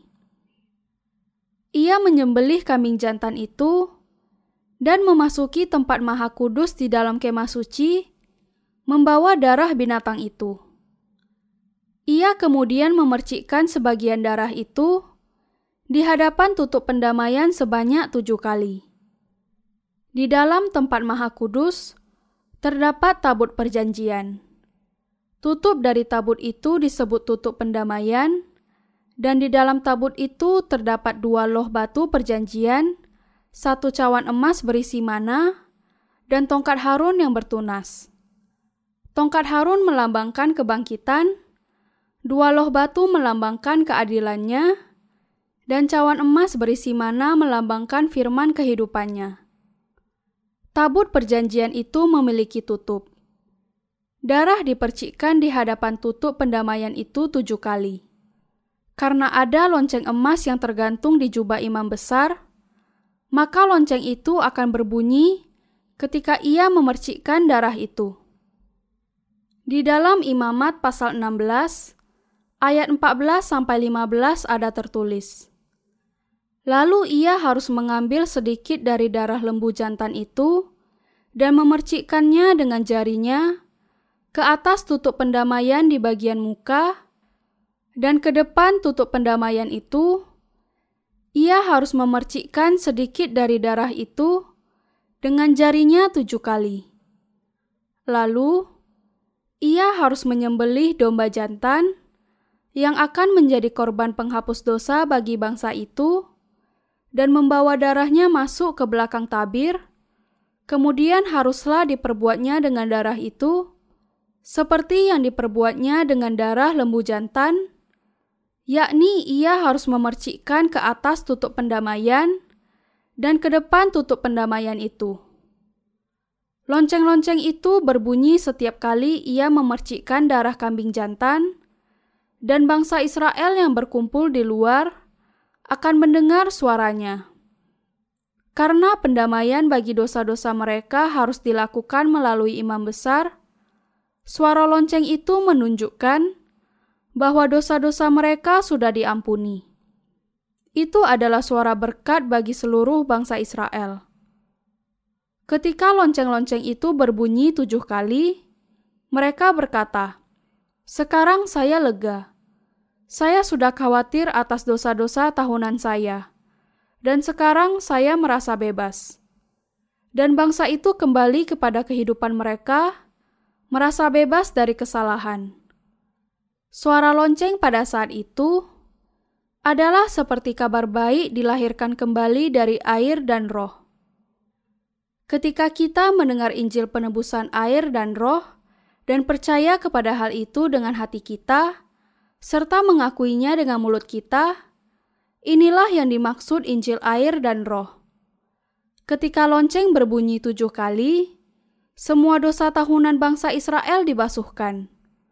Dosa-dosa mereka dihapuskan di hadapan Allah. Setelah mempersembahkan kambing jantan bagi bangsa Israel, imam besar mengambil kambing jantan yang lain dan keluar menemui orang-orang yang berkumpul di luar kemah suci. Ketika mereka memandangnya, Imam Besar Harun meletakkan tangannya ke atas kepala kambing jantan itu.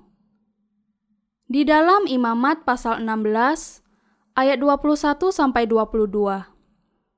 Setelah selesai mengadakan pendamaian bagi tempat kudus dan kemah pertemuan serta mesbah, ia harus mempersembahkan kambing jantan yang masih hidup itu. Dan Harun harus meletakkan kedua tangannya ke atas kepala kambing jantan yang hidup itu dan mengakui di atas kepala kambing itu segala kesalahan orang Israel dan segala pelanggaran mereka, apa pun juga dosa mereka. Ia harus menanggungkan semuanya itu ke atas kepala kambing jantan itu dan kemudian melepaskannya ke padang gurun dengan perantaraan seseorang yang sudah siap sedia untuk itu. Imam besar Harun meletakkan tangannya ke atas kepala kambing jantan itu atau kambing pengganti dan mengakui segala dosa tahunan bangsa Israel di hadapan Allah. Oh Allah, bangsa Israel berdosa terhadap Engkau. Kami melanggar dasar titah dan seluruh 613 peraturan hukummu. Oh Allah, saya menanggungkan seluruh dosa tahunan bangsa Israel ke atas kepala kambing jantan ini. Menurut Yeremia pasal 17 ayat 1, dosa-dosa ditulis di dua tempat. Yang pertama di kitab pekerjaan, dan yang satunya di loh hati mereka. Jadi kalau orang mau diperdamaikan atas segala dosanya, dosa-dosa mereka harus dihapuskan dari kitab pekerjaan dan dari loh hati mereka. Di hari raya pendamaian, kambing jantan adalah untuk dosa-dosa yang tertulis di dalam kitab penghakiman, dan yang satunya lagi untuk yang tertulis di dalam loh hati. Apa yang ditunjukkan Allah kepada bangsa Israel melalui tata cara pengorbanan di dalam Perjanjian Lama, bahwa Juru Selamat akan datang dan melenyapkan segala dosa mereka satu kali untuk selama-lamanya dengan cara yang paling patut. Dengan meletakkan tangannya ke atas kepala kambing jantan, imam besar menunjukkan kepada bangsa itu bahwa dosa-dosa tahunan mereka dipindahkan kepada kambing jantan. Ketika dosa-dosa diletakkan di atas kepala kambing jantan, orang yang sudah disiapkan akan menuntunnya ke padang gurun. Palestina adalah tanah padang gurun. Kambing jantan yang menanggung segala dosa tahunan bangsa Israel dituntun oleh orang yang sudah ditentukan untuk tugas itu ke padang gurun di mana tidak terdapat rumput ataupun air. Orang-orang berdiri dan memperhatikan kambing pengganti itu pergi ke padang gurun. Mereka kemudian berkata kepada diri mereka sendiri, "Saya yang seharusnya mati, tetapi kambing itu yang mati bagi dosa-dosaku. Upah dosa adalah maut, tetapi kambing itu yang mati menggantikan saya. Terima kasih, kambing jantan. Kematianmu membuat aku bisa tetap hidup." Kambing jantan itu kemudian dibawa semakin jauh ke dalam padang gurun, dan bangsa Israel diampuni dari segala dosa tahunan. Ketika dosa di dalam hati kita ditanggungkan kepada korban penghapus dosa, Anda disucikan. Sangat sederhana. Kebenaran adalah sesuatu yang sangat sederhana kalau kita bisa memahaminya. Kambing jantan itu lenyap dari cakrawala. Orang yang membawanya pulang sendirian.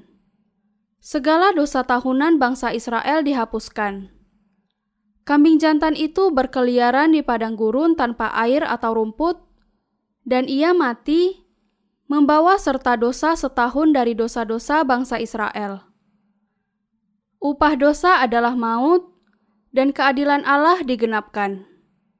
Allah mengorbankan kambing jantan itu dengan tujuan supaya bangsa Israel bisa terus hidup. Semua pelanggaran bangsa Israel selama setahun dihapuskan sampai bersih. Sebagaimana dosa sehari dan dosa setahun, diampuni dengan cara yang demikian di dalam Perjanjian Lama, juga merupakan perjanjian Allah bahwa dosa-dosa kita akan diampuni dengan cara demikian satu kali untuk selama-lamanya adalah perjanjiannya bahwa ia akan mengutus bagi kita Mesias dan akan membebaskan kita dari dosa-dosa sepanjang hidup. Perjanjian ini dilaksanakan melalui baptisan Yesus. Orang yang dilahirkan kembali dari air dan roh di dalam Perjanjian Baru. Mengapa Yesus dibaptiskan oleh Yohanes Pembaptis? Menggenapi segala kebenaran dengan menanggung segala dosa dunia. Baptisan Yesus di dalam Perjanjian Baru adalah sama dengan penumpangan tangan di dalam Perjanjian Lama. Mari kita membaca Matius pasal 3 ayat 13 sampai 15. Maka datanglah Yesus dari Galilea ke Yordan kepada Yohanes untuk dibaptis olehnya. Tetapi Yohanes mencegah dia katanya, Akulah yang perlu dibaptis olehmu, dan engkau yang datang kepadaku Lalu Yesus menjawab, katanya kepadanya, "Biarlah hal itu terjadi, karena demikianlah sepatutnya kita menggenapkan seluruh kebenaran." Dan Yohanes pun menurutinya. Yesus pergi ke Sungai Yordan dan dibaptiskan oleh Yohanes Pembaptis, dan dengan melakukan hal itu menggenapi seluruh kebenaran. Ia dibaptiskan oleh Yohanes. Yohanes adalah yang terbesar di antara mereka yang dilahirkan perempuan. Matius pasal 11 ayat 11 sampai 12 mengatakan, Di antara mereka yang dilahirkan oleh perempuan, tidak pernah tampil seorang yang lebih besar daripada Yohanes Pembaptis. Namun yang terkecil dalam kerajaan surga lebih besar daripadanya. Sejak tampilnya Yohanes Pembaptis hingga sekarang, kerajaan sorga diserong dan orang yang menyerongnya mencoba menguasainya. Yohanes Pembaptis dipilih oleh Allah sebagai wakil manusia dan diutus enam bulan sebelum Kristus. Ia adalah keturunan Harun dan imam besar yang terakhir. Yohanes Pembaptis mengatakan ketika Yesus datang kepadanya, Akulah yang perlu dibaptis olehmu, dan engkau yang datang kepadaku. Biarlah hal itu terjadi, karena demikianlah sepatutnya kita menggenapkan seluruh kebenaran. Tujuannya adalah untuk membebaskan manusia dari dosa, sehingga mereka bisa menjadi anak-anak Allah. Yesus mengatakan kepada Yohanes, kita harus menggenapkan Injil dilahirkan kembali dari air dan roh. Karena itu, baptiskanlah aku sekarang. Yohanes membaptiskan Yesus. Sangat patut bahwa Yesus harus dibaptiskan untuk menanggung segala dosa dunia. Karena ia dibaptiskan dengan cara yang paling patut, kita secara patut diselamatkan dari dosa kita.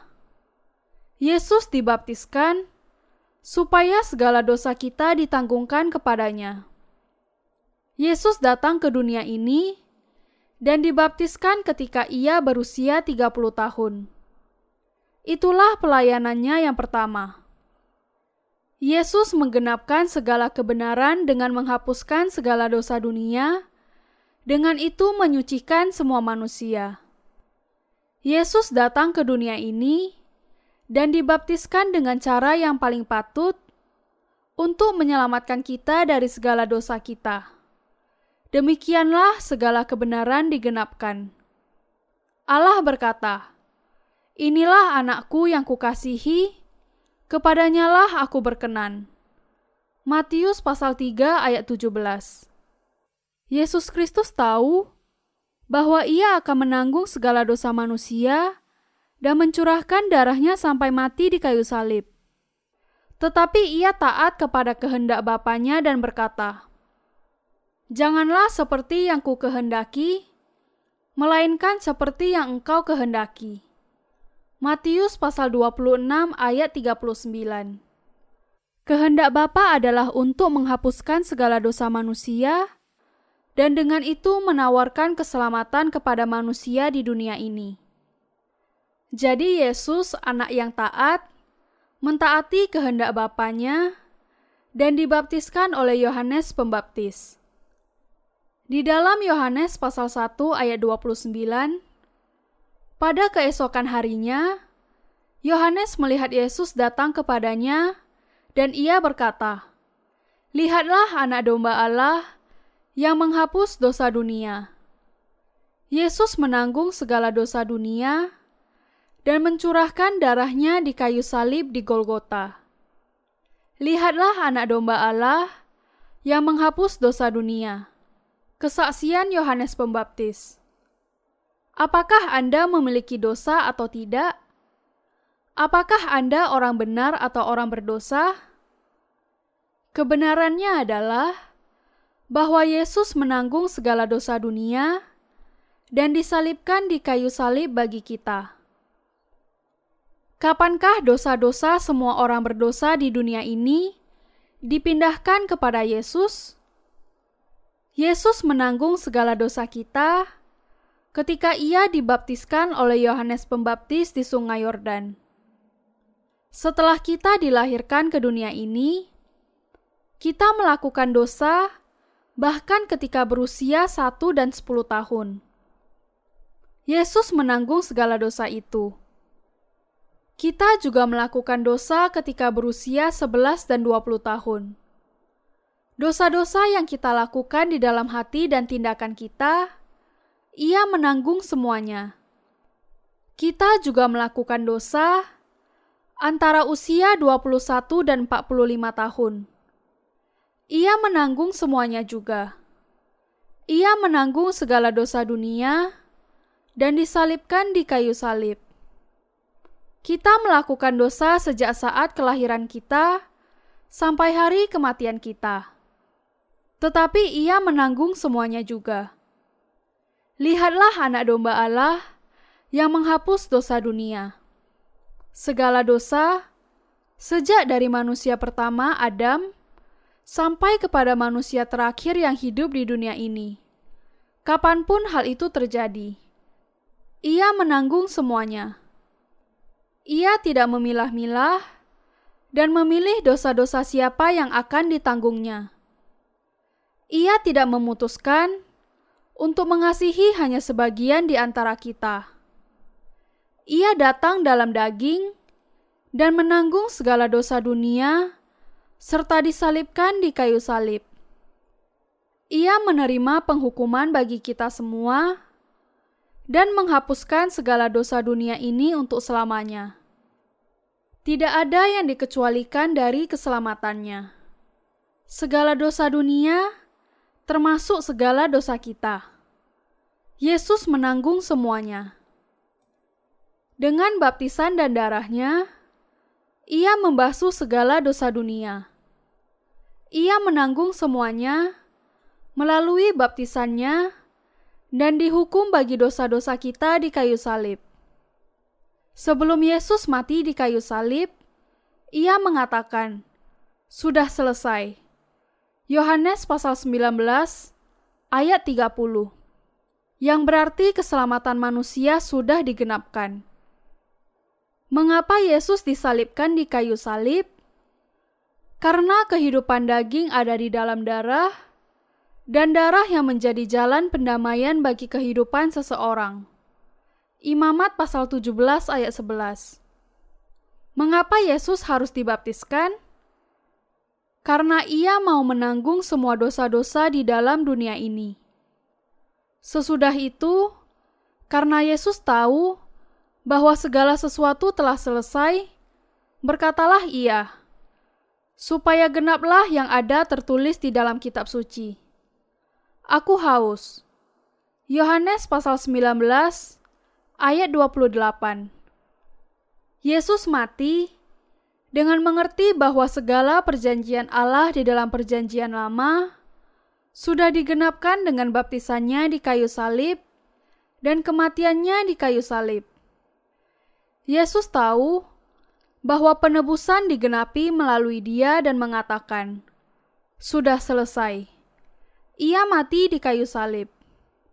Ia menguduskan kita, bangkit kembali dari kematian setelah tiga hari, dan naik ke surga, di mana ia sekarang duduk di sebelah kanan Allah.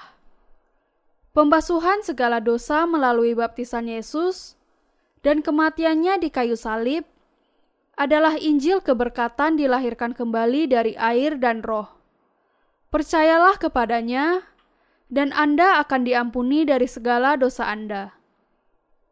Kita tidak bisa memperdamaikan dosa-dosa kita dengan doa pertobatan setiap hari. Penebusan diberikan satu kali untuk selama-lamanya, hanya melalui baptisan Yesus dan kematiannya di kayu salib. Jadi, apabila semuanya itu ada pengampunan, tidak perlu lagi dipersembahkan korban karena dosa. Ibrani pasal 10 ayat 18. Sekarang, yang harus kita lakukan hanyalah percaya kepada penebusan melalui baptisan Yesus dan penyalibannya. Percayalah dan Anda akan diselamatkan. Roma pasal 5 ayat 1 sampai 2 mengatakan, Sebab itu, kita yang dibenarkan karena iman, kita hidup dalam damai sejahtera dengan Allah oleh karena Tuhan kita Yesus Kristus. Oleh Dia, kita juga beroleh jalan masuk oleh iman kepada kasih karunia ini. Di dalam kasih karunia ini, kita berdiri dan kita bermegah dalam pengharapan akan menerima kemuliaan Allah. Tidak ada cara lain untuk dibenarkan kecuali hanya melalui percaya kepada Injil keberkatan, dilahirkan kembali dari air dan roh. Tujuan hukum Allah. Bisakah kita disucikan oleh hukum? Tidak, tidak bisa. Hukum hanya membuat kita mengenal dosa-dosa kita. Dalam Ibrani pasal 10 ayat 9 ada tertulis, dan kemudian katanya, Sungguh, aku datang untuk melakukan kehendakmu. Yang pertama ia hapuskan, supaya menegakkan yang kedua. Kita tidak bisa disucikan melalui hukum. Hal itu hanya membuat kita menjadi orang-orang berdosa. Allah tidak bermaksud supaya kita mentaati hukum Taurat. Roma pasal 3 ayat 20 mengatakan, oleh hukum Taurat, orang mengenal dosa. Allah memberikan hukum Taurat kepada Musa setelah 430 tahun berlalu dari zaman ketika Abraham menerima perjanjian itu. Ia memberikan hukum Taurat kepada mereka supaya mereka bisa mengerti apa artinya melakukan dosa di hadapan Allah. Dengan tidak adanya hukum Allah, manusia tidak akan bisa memahami tentang dosa. Allah memberikan kepada kita hukumnya supaya kita bisa sampai kepada pemahaman akan dosa. Jadi, tujuan satu-satunya dari hukum adalah untuk membuat kita mengerti bahwa diri kita semua adalah orang berdosa di hadapan Allah. Melalui pemahaman ini, kita dimaksud supaya kembali kepada Yesus dengan percaya kepada Injil keberkatan, dilahirkan kembali dari air dan roh. Inilah tujuan dari hukum yang diberikan Allah kepada kita. Tuhan datang untuk melakukan kehendak Allah. Apa yang harus kita lakukan di hadapan Allah? Kita harus percaya kepada penebusan Allah melalui Yesus. Sungguh, aku datang untuk melakukan kehendakmu. Yang pertama ia hapuskan, supaya menegakkan yang kedua. Ibrani pasal 10 ayat 9 Karena kita tidak bisa menjadi suci karena hukum, Allah tidak membebaskan kita dari hukumnya, tetapi dengan penebusan yang sempurna. Allah menyelamatkan kita dengan kasih dan keadilannya. Dan karena kehendaknya inilah, kita telah dikuduskan satu kali untuk selama-lamanya oleh persembahan tubuh Yesus Kristus. Selanjutnya, setiap imam melakukan tiap-tiap hari pelayanannya dan berulang-ulang mempersembahkan korban yang sama, yang sama sekali tidak dapat menghapuskan dosa. Tetapi ia, Setelah mempersembahkan hanya satu korban saja karena dosa, ia duduk selama-lamanya di sebelah kanan Allah. Ibrani pasal 10 ayat 10 sampai 12. Ia duduk di sebelah kanan Allah, karya penebusannya sudah sempurna dan tidak ada hal yang lain yang perlu dilakukannya. Ia tidak perlu lagi dibaptiskan ataupun mengorbankan dirinya lagi untuk menyelamatkan kita.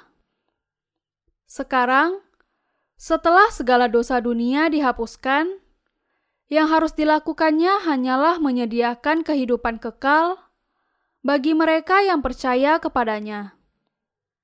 Ia sekarang memateraikan mereka yang percaya kepada keselamatan air dan roh dengan roh kudus. Yesus datang ke dunia ini dan menanggung segala dosa dunia serta mati di kayu salib, dengan itu menggenapkan karyanya. Sekarang setelah karya Tuhan itu selesai, ia duduk di sebelah kanan Allah. Kita harus percaya bahwa Tuhan kita Yesus menyelamatkan kita dari segala dosa kita sepanjang waktu. Ia menjadikan kita sempurna untuk selamanya dengan baptisan dan darahnya. Orang yang menjadi musuh Allah. Siapakah musuh Allah? Mereka yang percaya kepada Yesus, tetapi masih memiliki dosa di dalam hatinya.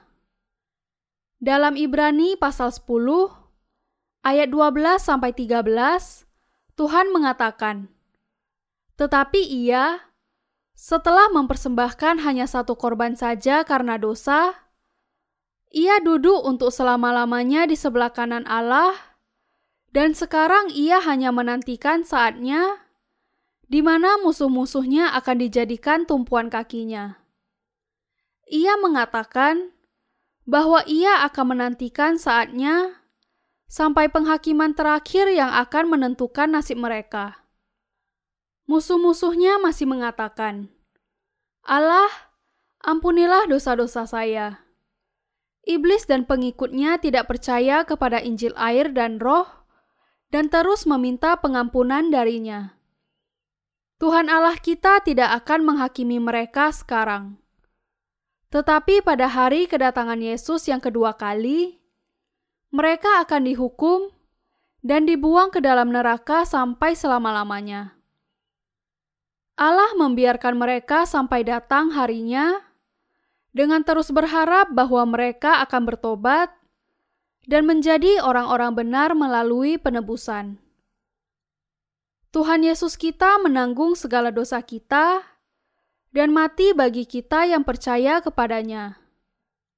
Yesus suatu hari akan datang untuk kedua kali untuk membebaskan mereka yang percaya kepadanya. Oh, datanglah segera kepada kami, Tuhan.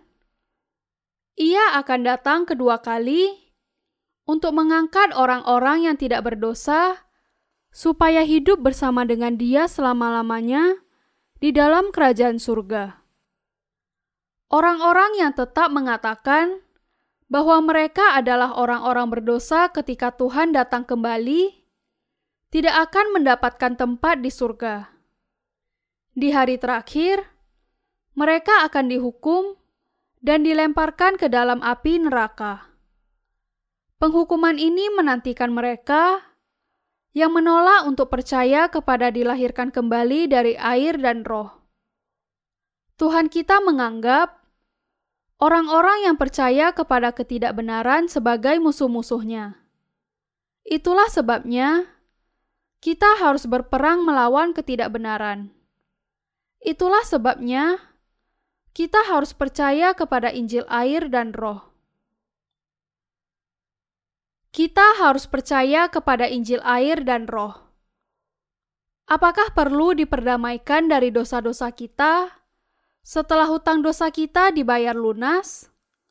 Tidak, sama sekali tidak.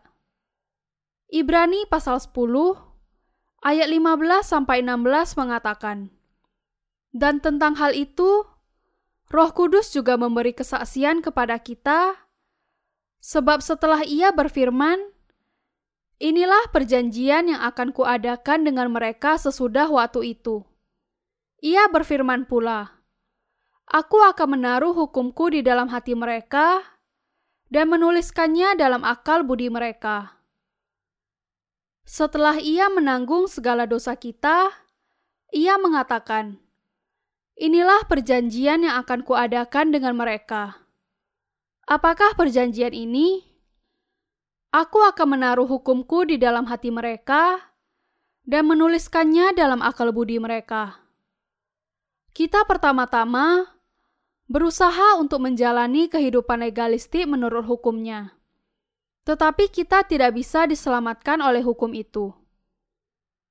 Kemudian, kita mengetahui bahwa Yesus sudah menyelamatkan mereka yang percaya di dalam hati akan Injil dilahirkan kembali dari air dan roh yang diberkati.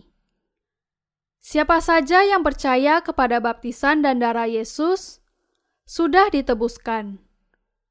Yesus adalah Tuhan atas keselamatan.